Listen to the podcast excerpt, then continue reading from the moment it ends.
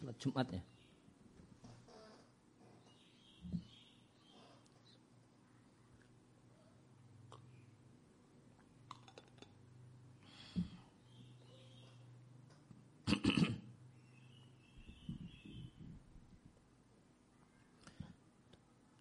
Alhamdulillah wassalatu wassalamu ala rasulillah wa ala alihi wa sahbihi wa man tabi'ahum bi ihsanin ila yaumidin amma ba'd kaum muslimin dan muslimah rahimani wa rahimakumullah kembali kita lanjutkan kajian dari kitab Ad-Duratul Fadah Syarhun Nubdah karya Syekh Labib Najib Abdullah hafizallahu taala kita masuk di halaman 59 tentang Salatul Jumu'ati.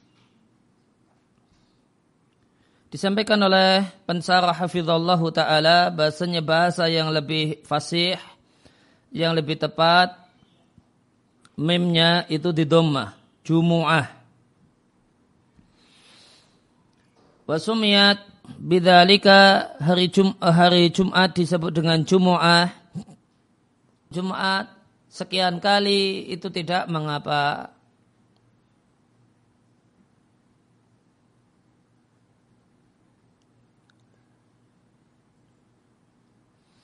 Kemudian haram atas orang yang kerjaan semacam tukang kayu atau tukang bangunan.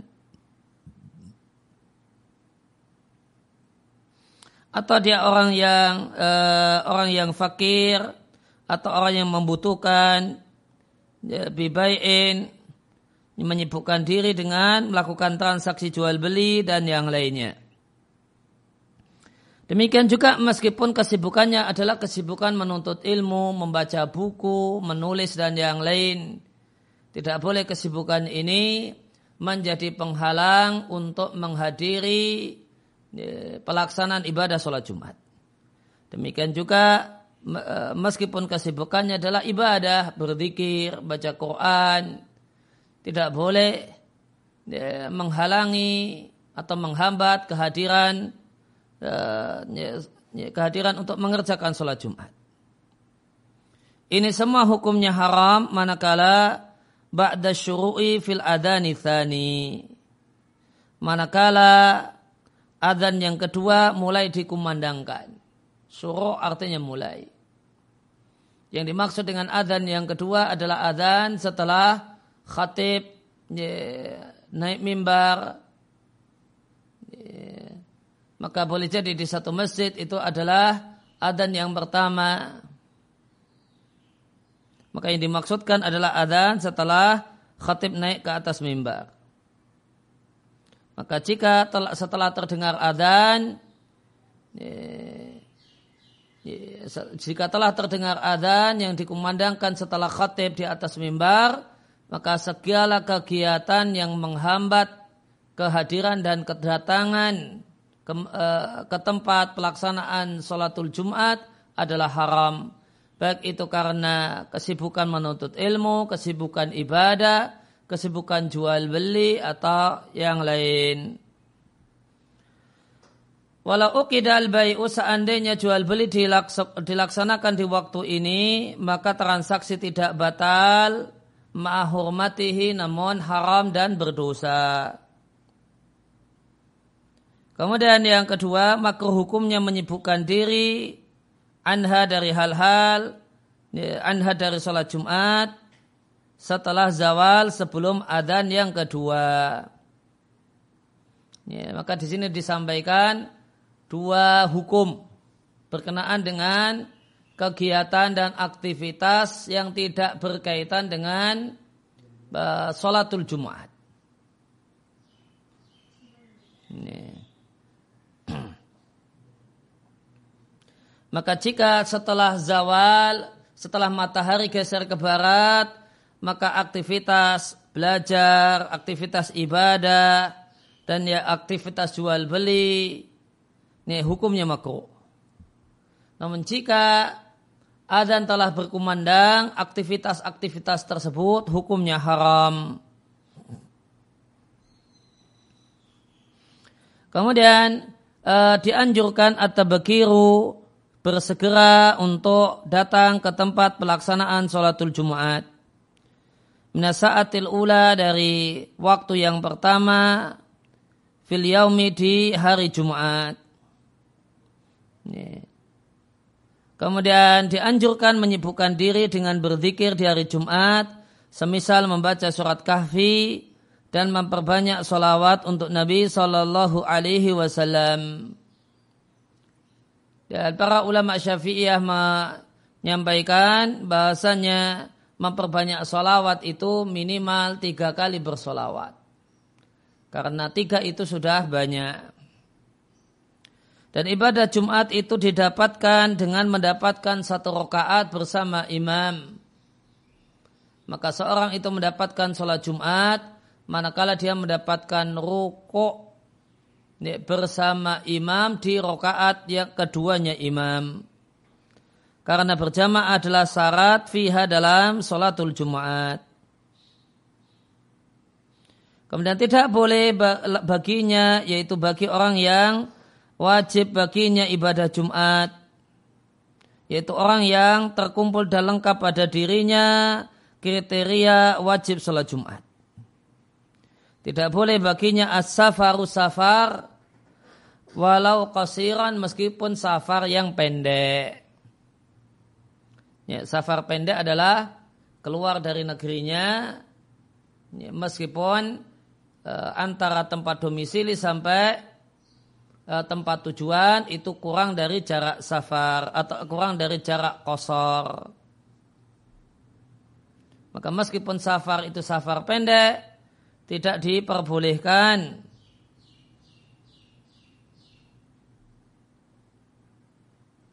min baladiha dari kampungnya, dari tempat domisilnya pada hari Jumat setelah terbit fajar ila li baladin ila baldatin kecuali jika pergi ke satu tempat yang lain tusalla fiha al jum'atu yang ada sholat Jumat di sana. Karena terwujudlah maksud dengan hal itu.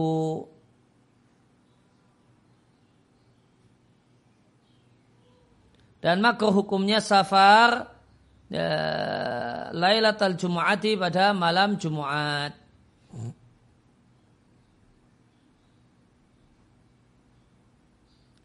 Ya, maka safar di malam Jumat itu di sini disampaikan hukumnya makruh. Sedangkan di pagi hari ya, ya, sedangkan di pagi hari setelah terbit fajar hukumnya dikatakan la ya juzu, tidak diperbolehkan kecuali jika dia pergi ke satu tempat yang di tempat tersebut dia bisa uh, meng, uh, ikut hadir uh, ikut menghadiri pelaksanaan sholatul Jumat.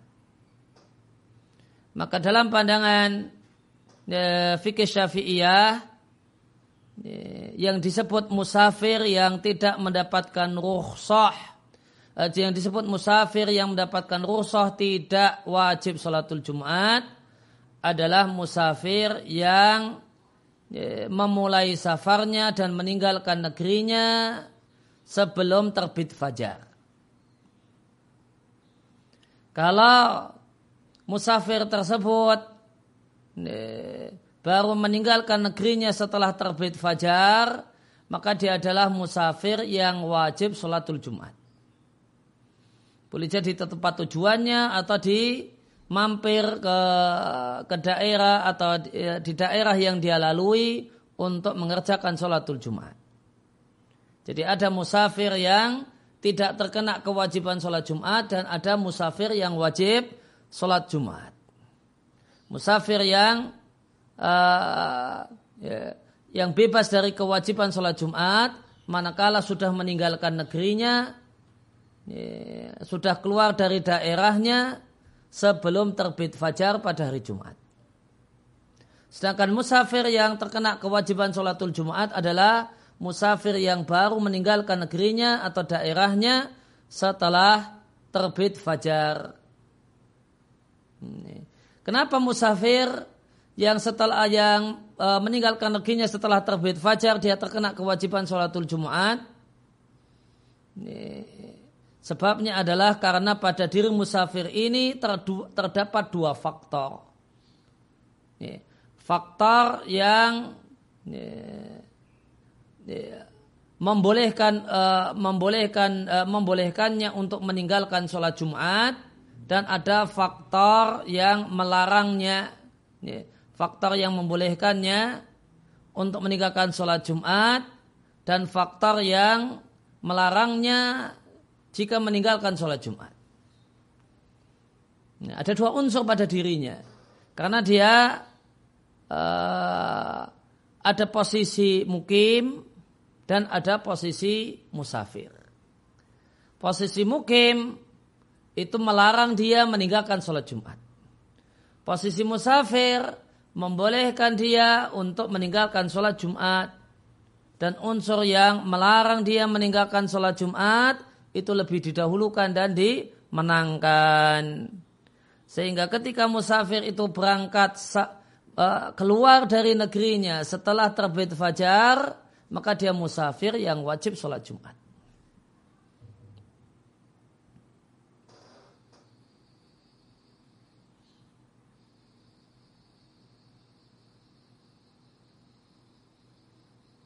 Ya, namun di sini catatan kakinya terbalik ya. Yang catatan kaki untuk hadis dikasih nomor dua. Ini mantar kasalah sajumuatin itu dikasih footnote dua harusnya dia footnote-nya satu. Kemudian tentang penjelasan lebih lanjut tentang safar eh, bagi eh, safar di hari Jumat harusnya dikasih nomor dua dan letaknya di bawah. Ya, maka catatan kaki tentang safar ya, pada hari Jumat wahasilul mas'alati dan kesimpulan permasalahan ini anau yahrumus safaru yaumal jum'ati haram mengadakan safar pada hari Jumat dengan tiga syarat. Yang pertama, ayakuna safaru ba'dal fajri. Haram safar pada hari Jumat manakala safarnya setelah terbit fajar.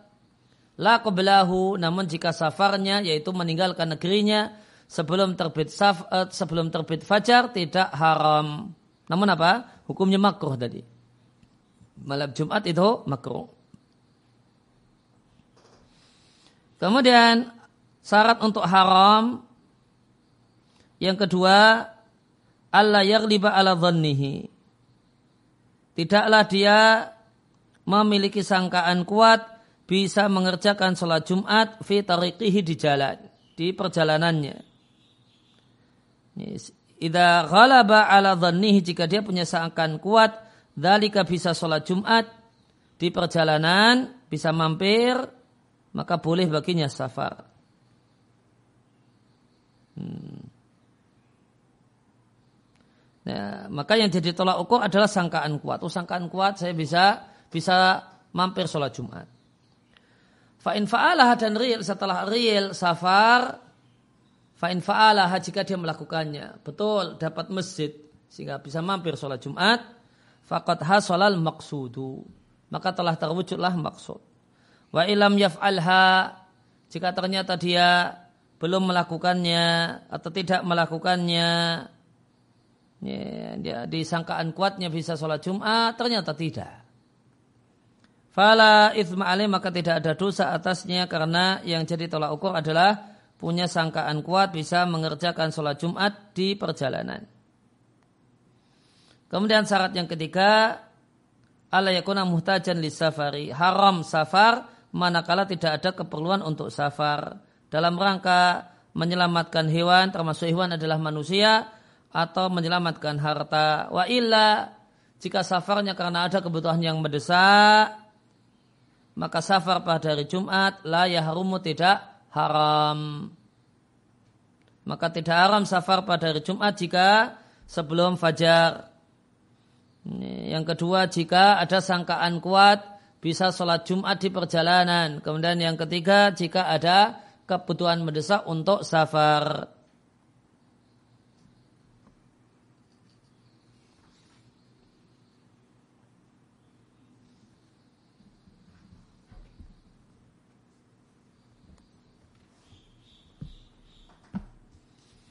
Kemudian sebelum kita lanjutkan tadi ada pembahasan menarik tentang uh, berkegiatan pada hari Jumat.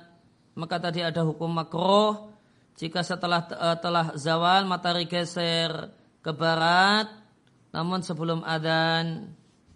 Uh, kemudian ada hukum haram jika setelah adzan pada hari Jumat.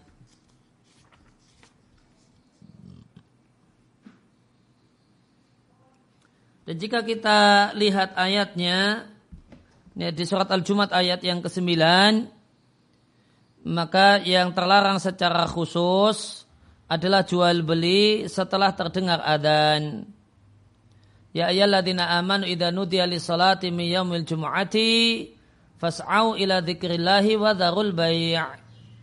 Wahai orang-orang yang beriman jika jika terdengar adzan untuk sholat Jumat pada hari Jumat, segeralah mengingat Allah dan tinggalkanlah jual beli.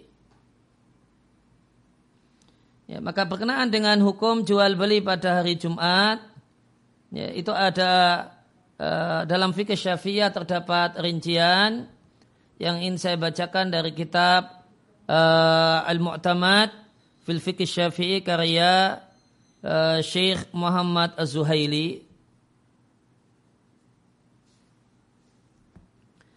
Ya, maka beliau katakan jual beli pada hari Jumat itu memiliki rincian.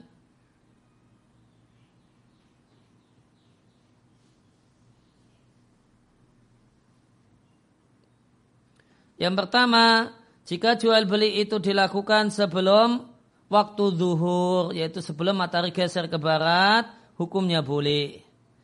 Tidak makruh bagi semua orang. Status jual beli ketika itu sama dengan jual beli di waktu-waktu yang lain. Kemudian yang kedua, demikian juga tidak ada makruh jual beli yang diadakan setelah selesai sholat Jumat. Bahkan Allah katakan, bahkan Allah perintahkan, yaitu Allah bolehkan untuk bertebaran di muka bumi untuk mencari rezeki Allah Subhanahu wa taala setelah selesai sholat Jumat. Faidah kudiyatis salatu fantashiru fil ardi wa betaru min fadlillah.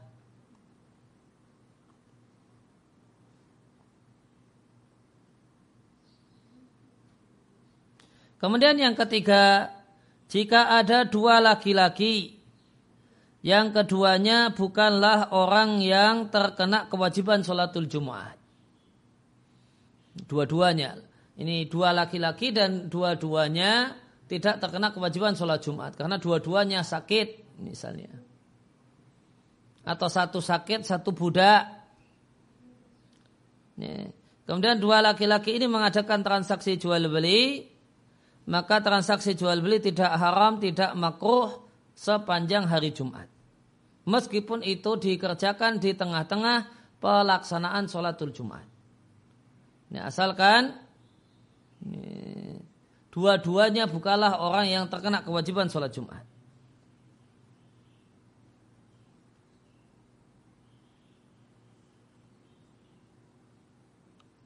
Kemudian yang keempat,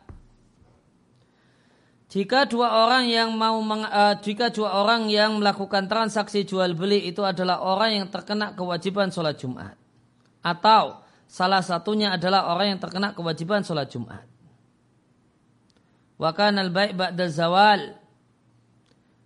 Dan jual beli dilakukan sebelum waktu duhur, uh, ba'da zawal setelah tibanya waktu zuhur setelah matahari geser ke barat cuma imam atau khotib belum naik. Atau khotib belum duduk di atas mimbar. Dan muadzin belum mulai beradan yaitu adan di hadapan khatib maka jual beli hukumnya makroh, makroh tanzih artinya makroh yang murni makroh sama dengan penjelasan di durah al-fadah. Ya, jual beli setelah matahari geser ke barat artinya waktu duhur tiba namun adan belum berkumandang. Jual beli ketika itu hukumnya makroh. Kemudian yang kelima, jika transaksi jual beli dilakukan setelah khatib atau imam atau khatib duduk di atas mimbar dan muadzin mulai beradan harumal bai'u alal mutabayyi'aini. Maka haram transaksi jual beli haram dilakukan oleh keduanya. Siapa itu keduanya? Dua-duanya wajib sholat Jumat atau salah satunya terkena kewajiban sholat Jumat. Wa dua-duanya berdosa berdasarkan ayat di suratul Jumat ayat yang ke-9 Nah, hukum haram dan dosa ini juga berlaku ya, manakala meskipun salah satunya adalah orang yang terkena kewajiban sholat Jumat, kemudian yang kedua tidak terkena kewajiban sholat Jumat. Ini tetap haram dan dua-duanya berdosa. Ya, untuk orang yang terkena kewajiban sholat Jumat, dia melakukan hal yang haram dan berdosa karena dia terkena kewajiban pergi ke masjid, eh, pergi ke tempat sholat Jumat. Namun ternyata dia menyibukkan diri dengan jual beli. Sehingga telat datang ke tempat sholat Jumat. Kemudian orang yang orang yang kedua ini yang tidak terkena kewajiban sholat Jumat, dia melakukan hal yang haram dan dia berdosa. Kenapa? Karena dia menjadi sebab tersibuknya. Karena dia menyibukkan orang tersebut Ya, sehingga orang ini tidak segera pergi ke masjid untuk melaksanakan kegiatan ibadah Jumat. Jadi misalnya uh, jual beli dilakukan oleh satu laki-laki dewasa yang wajib sholat Jumat, yang satu perempuan. Ya, maka jika jual beli itu dilakukan setelah mulai adzan, ya, maka ini ya, perbuatannya haram, dua-duanya dosa. Si laki-laki itu dosa karena dia terkena kewajiban untuk segera ya, pergi ke tempat sholat Jumat. Si perempuan meskipun dia tidak uh, terkena kewajiban sholat Jumat, dalam hal ini dia dosa karena dia berperan menyibukkan si laki-laki ini untuk uh, sehingga tidak segera uh, datang ke tempat sholat Jumat. Dan dosa itu didapatkan bi mujarradi syuru'il muadzini dengan semata-mata muadzin mulai beradan. Dengan Allah baru ya, itu jual beli ketika ini sudah mulai azan ya, jual belinya haram dan berdosa. Namun hukum haram ini ya, khusus berdampak dosa dan tidak membatalkan transaksi. Karena larangan tidak tertuju pada transaksi, maka tidak menghalangi keabsahan transaksi.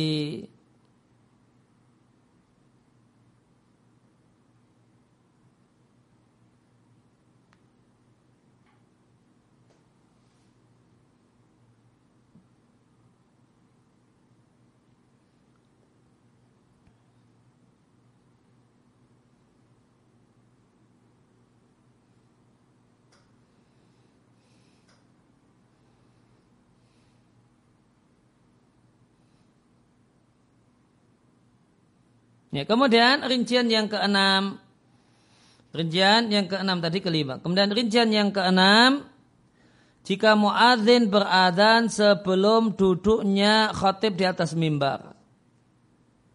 Ya. Maka jual beli hukumnya makroh namun tidak haram. Jadi untuk di masjid yang ada dua adan.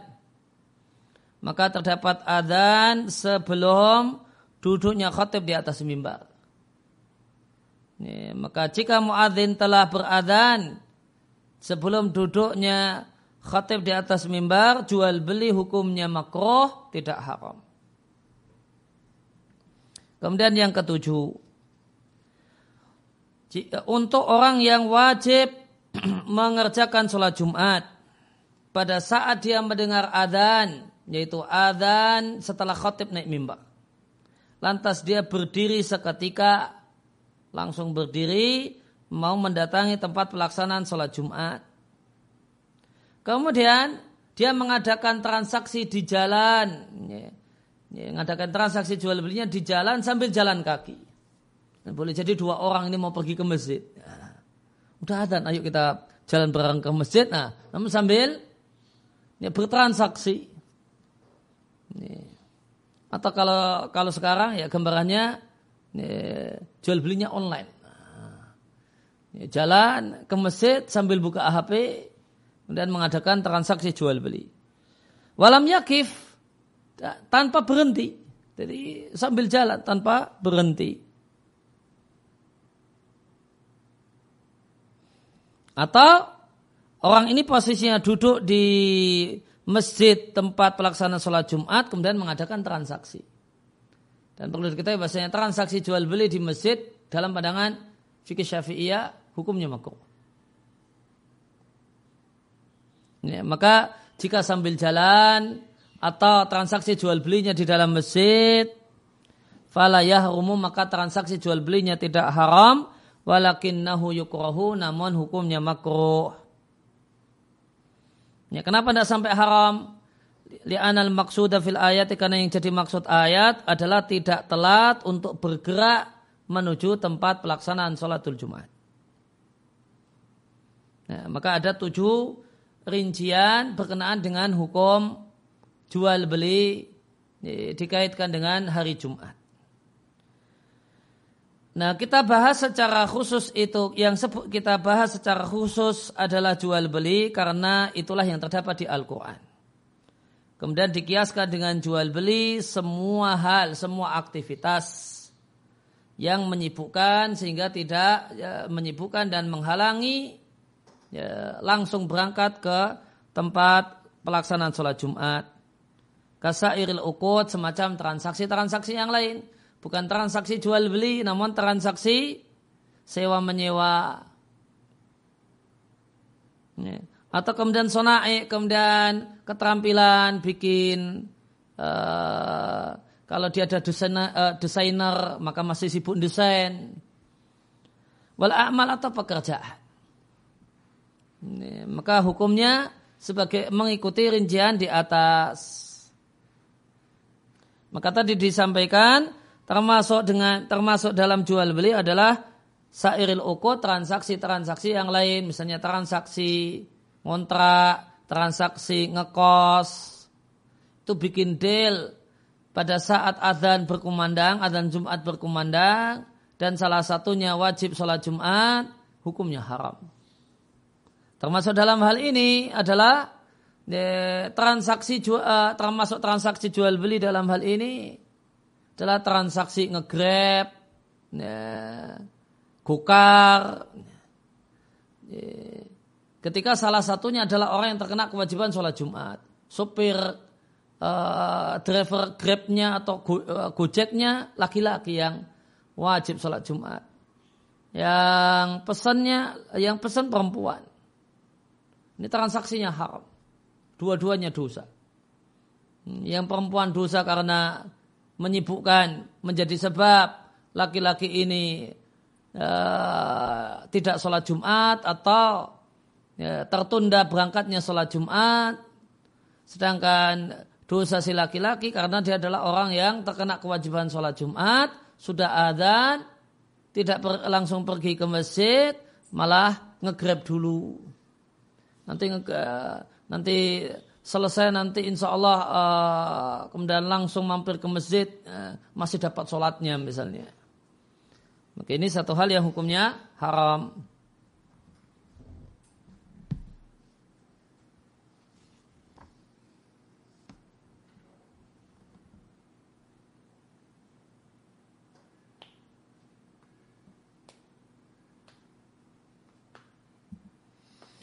Kemudian uh, keterangan tambahan yang ini saya bacakan dan saya sampaikan tadi ada ya, anjuran untuk segera uh, berangkat ke masjid atau segera untuk menghadiri tempat pelaksanaan sholat Jumat. Yustahabu at-tabakiru minasa'atil ula fil yaumi. Dianjurkan untuk bersegera mendatangi sholat Jumat minasa'atil ula sejak as-sa'ah al-ula, waktu yang pertama. Fil yaumi pada hari Jumat.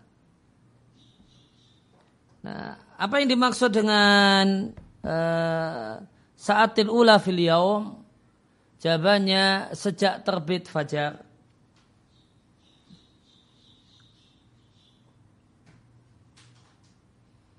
Jadi Al-Mu'tamad fil Fiqh Syafi'i disampaikan uh, tu'tabaru as-sa'atu min hini tulu'il fajri.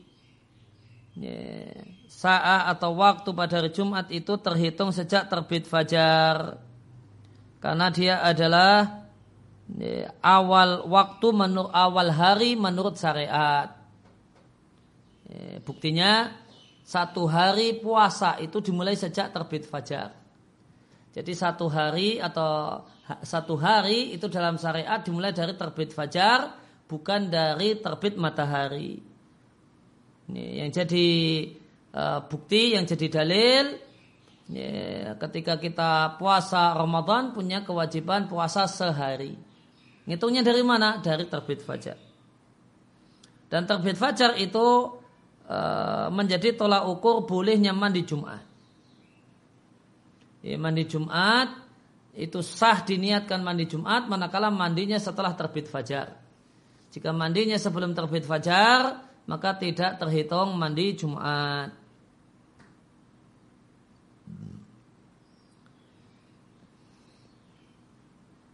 Namun yang dianjurkan untuk berpagi-pagi itu adalah makmum.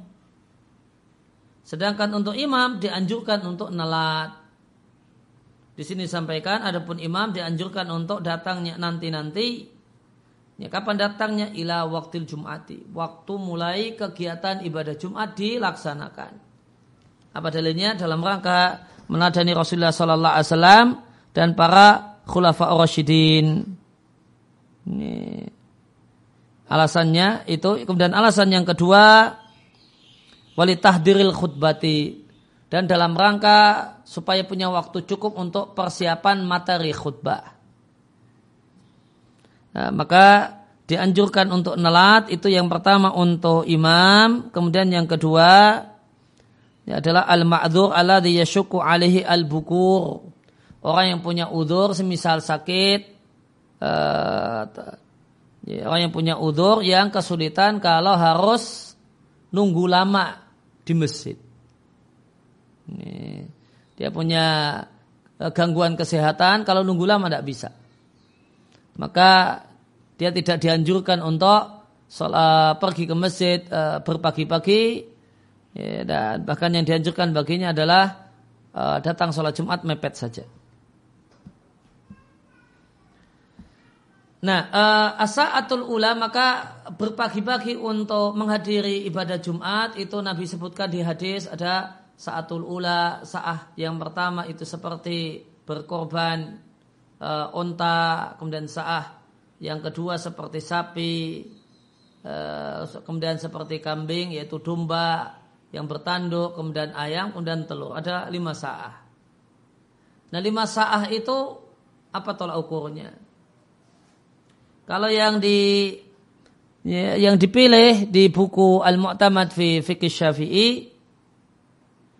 Asa'atul ula wa thaniyah laisa min itibari sa'atil yaum.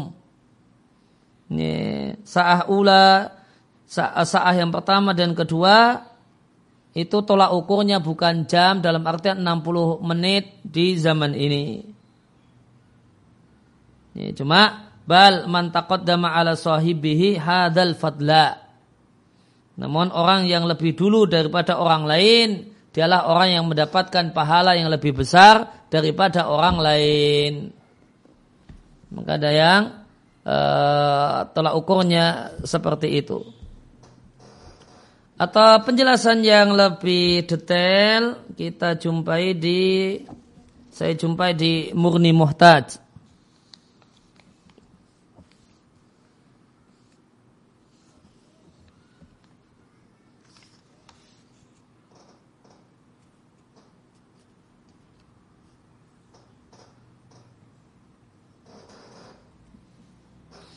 Ya, di Al-Murni Muhtad, di Murni Muhtad disampaikan dianjurkan bersegera pergi untuk sholatul Jumat untuk selain imam dan selain orang yang punya udur yang kesulitan kalau harus nunggu lama.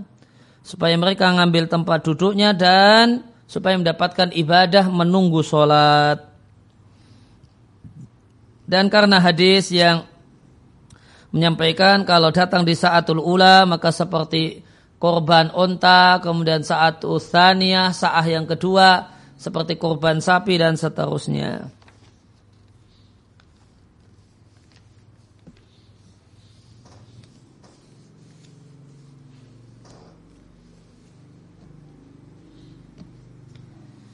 Nah, saah ula sampai lima ini waktunya kapan? Di sini penulis Murni Muhtaj mengutip dari kitab Al-Majmu' Syarah uh, Al-Majmu' karya An-Nawawi demikian juga Sarah Muslim karya An-Nawawi. Beliau katakan yang dimaksudkan dengan ya, lima sa'ah itu adalah as-sa'ah al-falakiyah ya, ya, ifna asyrata sa'atan zamaniyatan yaitu 12 ya 12 waktu ya, baik di musim panas ataupun di musim dingin maka siapa yang datang di awal sa'ah ya, misalnya dan siapa yang datang di akhir sa'ah maka dia bersekutu dalam mendapatkan pahala unta. Akan tetapi unta orang yang pertama lebih sempurna daripada orang yang terakhir. Sedangkan unta orang yang datangnya di pertengahan, maka juga dapatnya di pertengahan.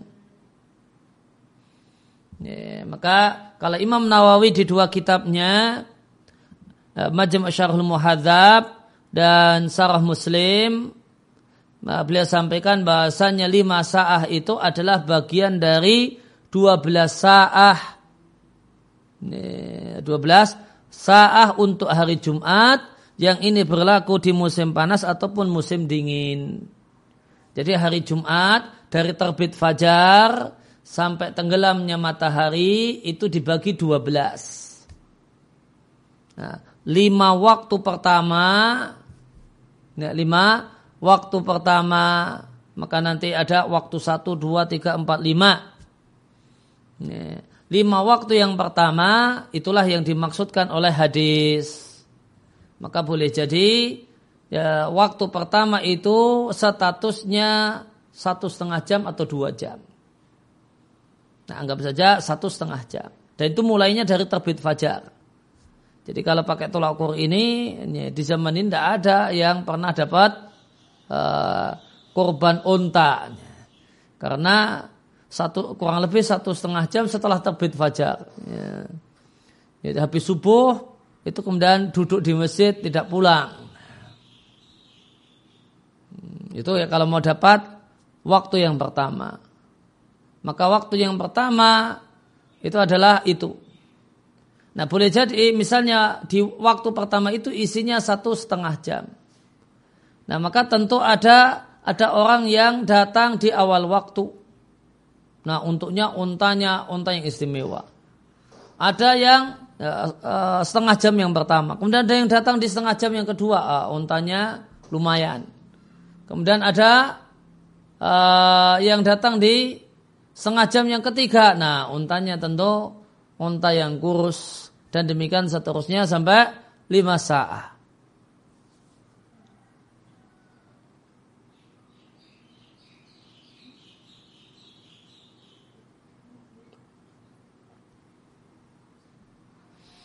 Nah kemudian itu yang disampaikan Imam Nawawi. Ya, namun di kitab Syafi'iyah yang lainnya ya, ada pendapat ulama Syafi'iyah yang lain yang mengatakan Bukanlah yang dimaksudkan dengan waktu di sini adalah sa'ah falakiyah mengikuti uh, id, uh, garis edar matahari.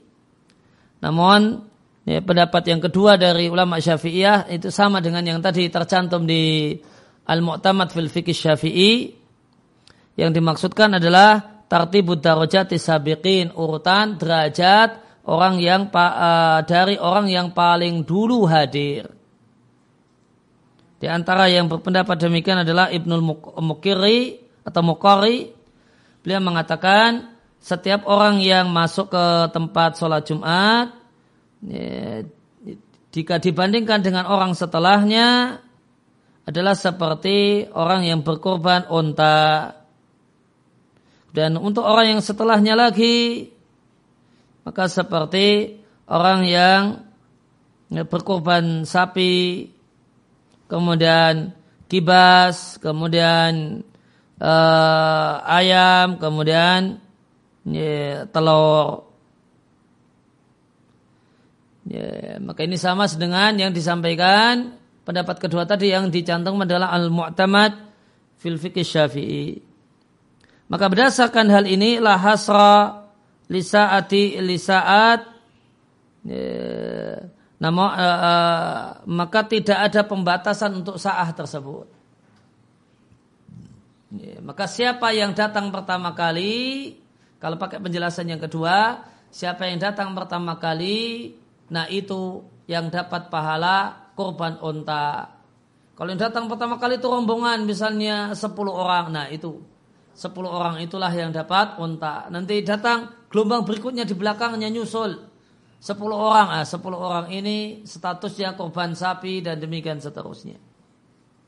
Dari dua pendapat ulama Syafi'iyah tentang pengertian sa'ah yang pertama, kedua, ketiga, keempat dan kelima, maka penulis Murni Muhtaj mengatakan wal u, wal aula al awalu pendapat yang terbaik adalah pendapat yang pertama yaitu pendapat al Imam Syafi'i di al Majmu' dan Sarah Muslim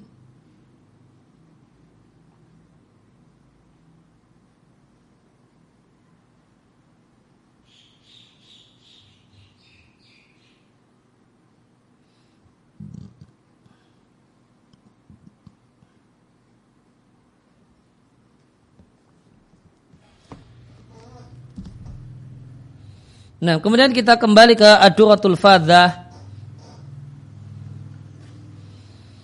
eh, di halaman 60. Qala al-musannif rahimallahu taala wa man taraka jum'atan wahidatan. Siapa yang meninggalkan satu sholat Jumat. Dan termasuk dalam hal ini adalah orang yang meninggalkan toharah yaitu wudhu untuk melaksanakan sholat Jumat sholat Jumat tanpa berwudu. Atau meninggalkan syarat, atau meninggalkan rukun. Ya.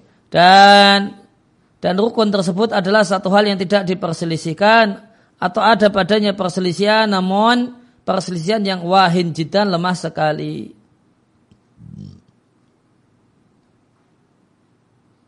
Contoh perselisihan yang lemah sekali contohnya sholat Jumat cuma berdua. Ya, maka kalau sholat Jumat itu isinya cuma dua orang, ini dianggap sebagai pendapat yang ya, lemah sekali di antara para ulama. Fakaan nahu tarikun laha. Maka orang ini seakan-akan meninggalkan sholat Jumat.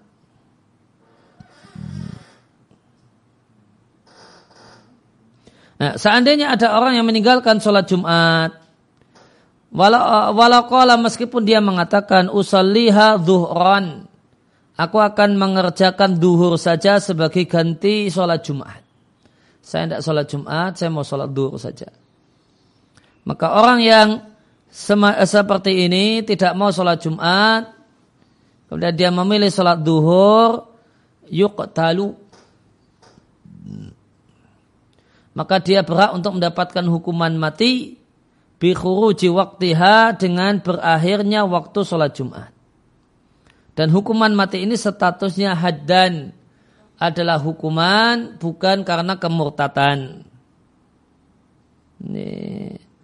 Dan hukuman ini karena dia meninggalkan Jumat bila kodain tanpa mengkodoknya. Karena perlu diketahui sholat duhur itu eh, bukanlah kodok untuk sholat Jumat. Ya, namun uh, jika memang tidak memungkinkan untuk sholat Jumat dan tidak terpenuhi syarat salat sholat Jumat, maka ya, ya sholat duhur begitu saja sebagai uh, kewajiban yang lain. Bukan kodok bagi sholat Jumat. Dan hukum orang tersebut yang tidak mau sholat Jumat ya, dan beralasan mau sholat duhur saja, setelah dia mendapatkan hukuman mati, status jenazahnya adalah jenazah kaum muslimin fayajibu rusluhu maka wajib dimandikan, dikafani, kemudian disolatkan dan dimakamkan di uh, makabirul muslimin, pekuburan kaum muslimin. Lain halnya dengan orang yang mengingkari wajibnya sholat Jumat. Kalau orang yang meninggalkan, uh, orang yang mengingkari wajibnya sholat Jumat, karena dia merasa sudah jadi wali, sudah jadi manusia suci, tidak lagi berkewajiban sholatul Jumat, fayuq ketalu riddatan maka hukuman mati untuknya adalah dengan status murtad. Walau karena musalian meskipun dia mengerjakan sholat Jumat untuk formalitas. Ya, karena keyakinannya tidak wajib saya sholat Jumat. Ya, namun supaya orang tidak memperbincangkan saya, saya pergi sholat Jumat. Meskipun ya, sebenarnya saya tidak meyakini wajibnya. Nah, orang yang punya Keyakinan semacam ini berhak untuk mendapatkan hukuman mati dengan status kemurtatan. Meskipun dia melaksanakan sholat Jumat. Kenapa dia murtad? Karena mengingkari satu perkara yang disepakati oleh para ulama dan dengan status makluman minat dini bidarurah diketahui secara pasti sebagai bagian dari agama Islam. Ya, maka orang yang meninggalkan sholat Jumat ya, berkenaan dengan hukuman mati terkait dengan kewajiban sholat Jumat maka di sini disampaikan ada dua. Yang pertama adalah orang yang tidak mau mengerjakan sholat Jumat meskipun dia ganti dengan sholat duhur maka dia uh, berhak untuk mendapatkan hukuman mati statusnya sebagai hukuman bukan kemurtatan. Kemudian yang kedua adalah orang yang tidak percaya wajibnya sholat Jumat untuk dirinya. Meskipun dia mengerjakan sholat Jumat. Orang ini berhak untuk mendapatkan hukuman mati dengan status murtad.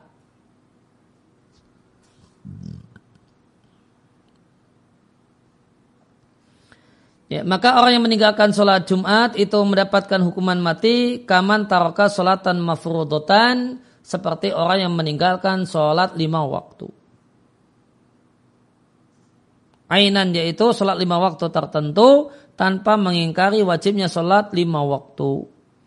Maka orang yang tidak mau mengerjakan sholat, salah satu sholat lima waktu, maka dia fa'innau yuqtalu berhak untuk mendapatkan hukuman mati bi khuruji waktil udri dengan berakhirnya waktu udurnya.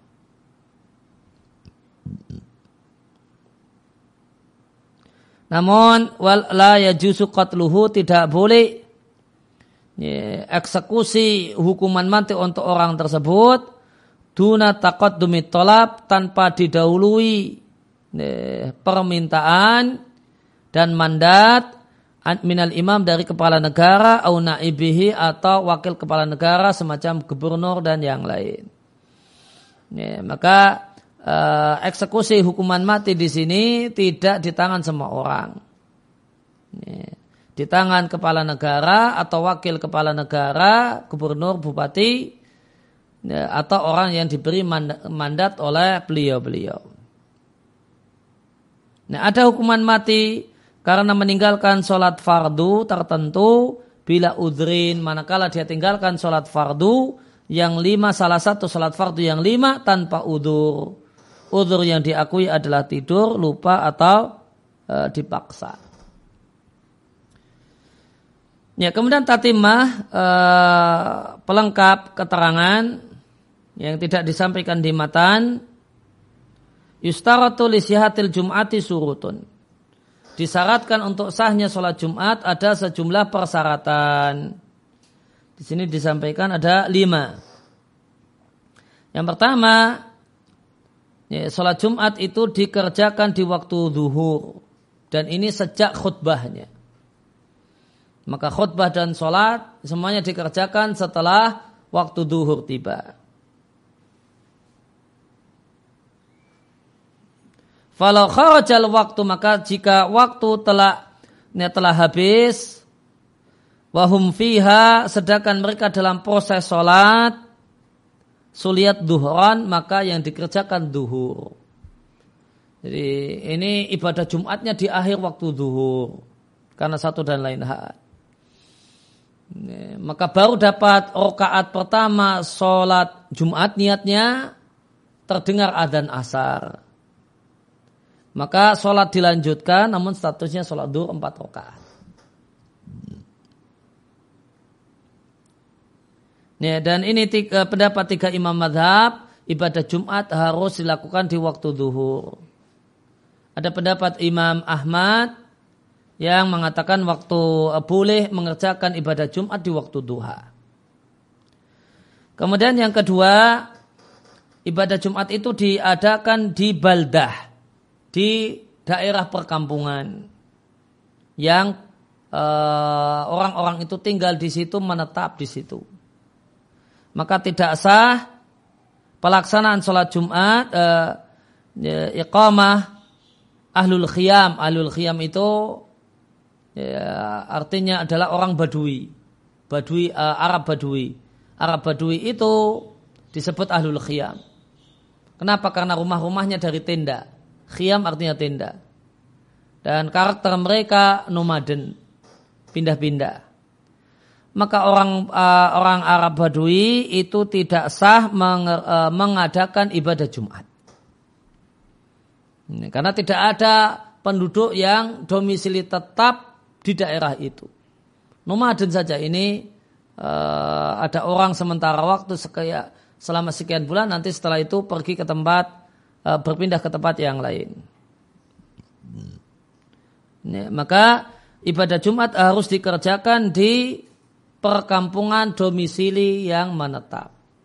Maka tidak boleh mengadakan ibadah Jumat di komplek uh, pengeboran minyak lepas pantai. Atau kemudian di tengah hutan ada satu perusahaan. Ya di tengah hutan. Yang di situ e, karyawannya tidak tidak ada penduduk tetap. Cuma ada karyawan yang satu bulan on satu bulan off atau dua minggu on dua minggu off. Atau tiga minggu on tiga minggu off. Maka tidak boleh mengerjakan ibadah atau mengadakan ibadah Jumat di tempat semacam di mes, mes yang boleh jadi ada di tengah uh, hutan atau di satu pulau yang tidak berpenghuni, ya, maka tidak sah mereka mengadakan ibadah Jumat.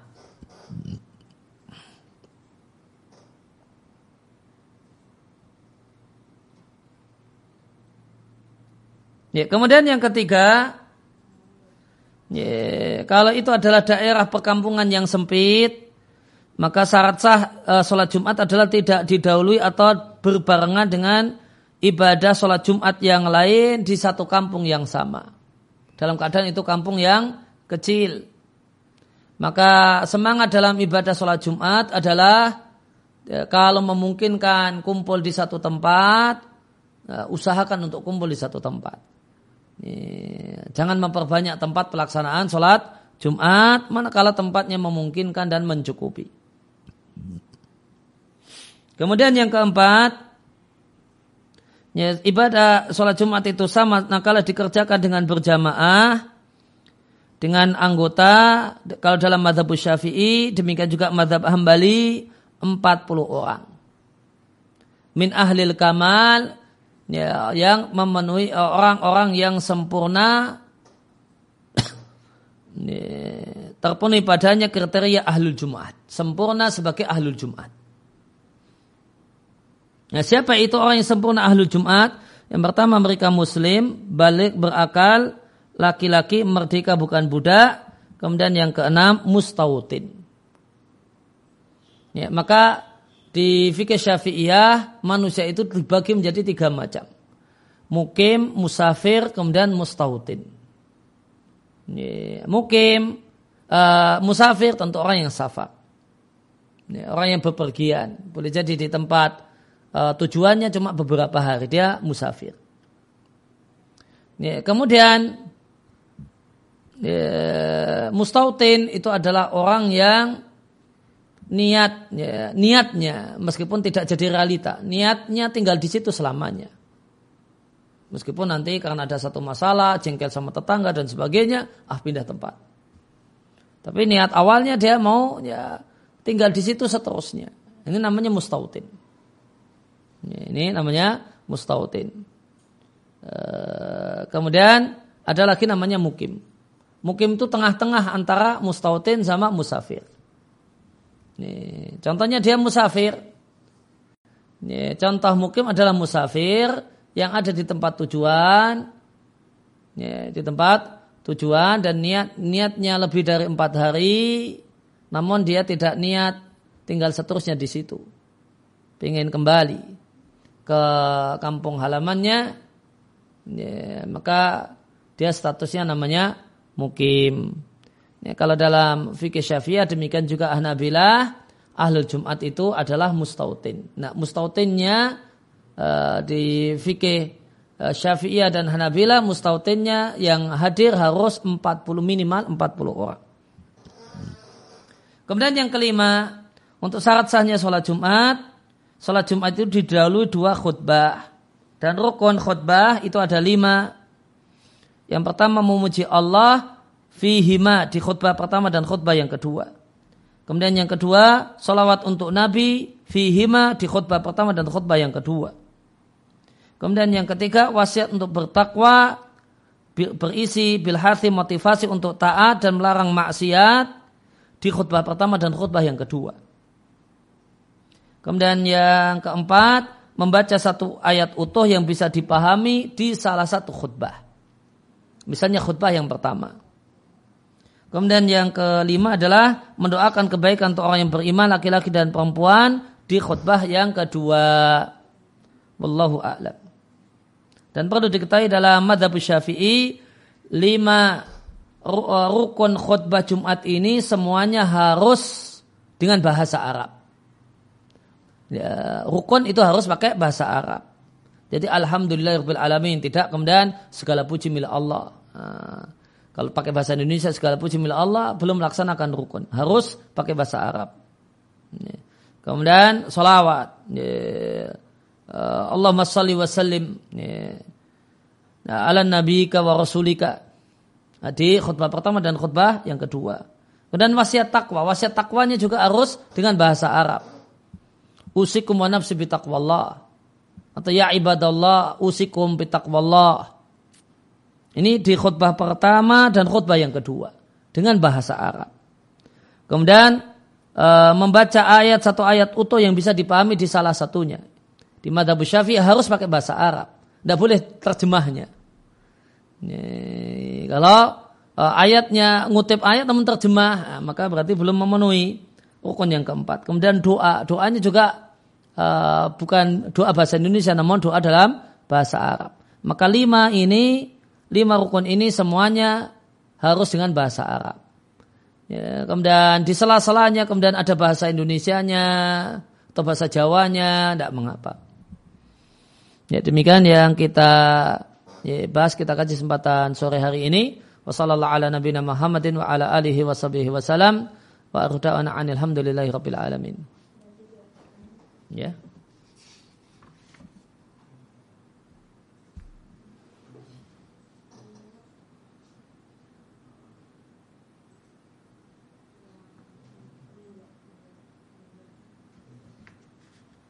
Ya.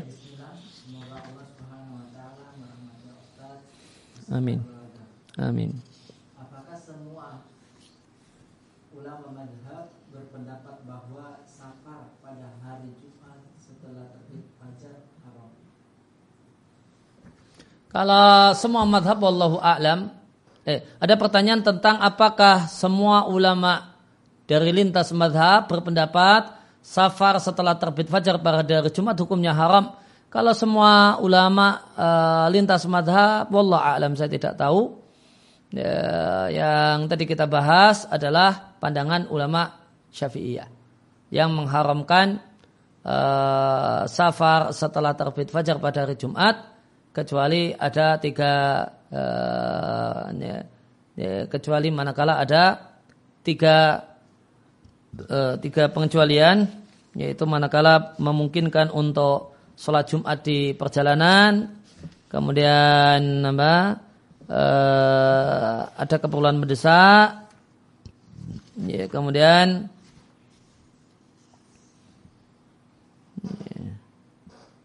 Ya, uh, kecuali dua itu ya. ya. Setelah terbit fajar hukumnya haram.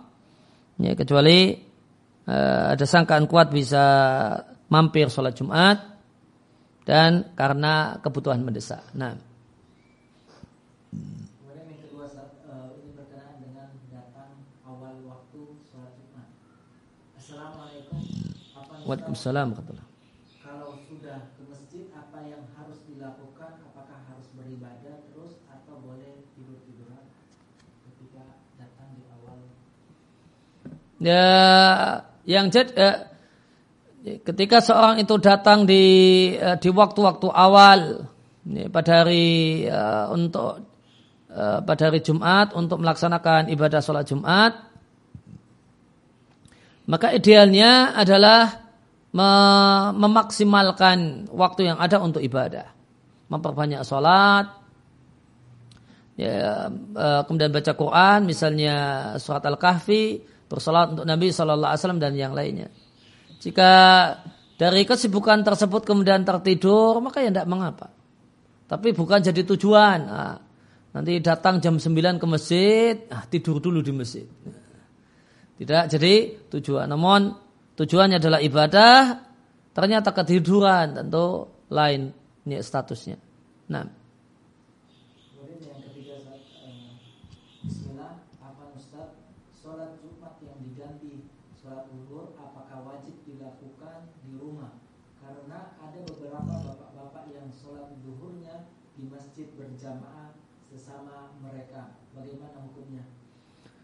Ya, di eh, berkenaan dengan kondisi wabah corona saat ini, di mana pemerintah demikian juga MUI menyarankan untuk eh, tidak mengadakan sholat Jumat bahkan sholat jamaah, maka di sebagian masjid kita jumpai masjid tersebut tidak mengadakan sholat Jumat, namun orang-orang datang ke masjid dan sholat jamaah duhur.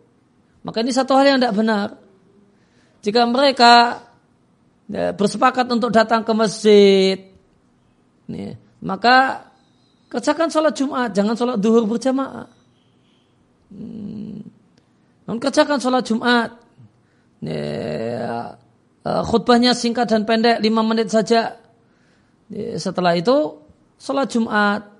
Maka satu hal yang aneh, kalau di, bersepakat pada waktu duhur hari Jumat, datang ke masjid, cuma untuk sholat Jumat, eh, sholat duhur berjamaah di masjid. Ini tidak benar. Ini, kalau mau demikian, maka sekalian dia sholat Jumat. Terus gimana? Ya, dibuat seminimalis mungkin. Nah,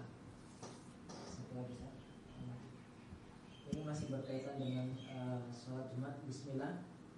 Bagaimana kalau seperti saat ini di masjid dekat rumah masih Jumatan tapi sudah ada himbauan dari wali kota untuk tidak Jumatan di masjid. Bagaimana hukumnya tidak menghadiri Jumatan tersebut?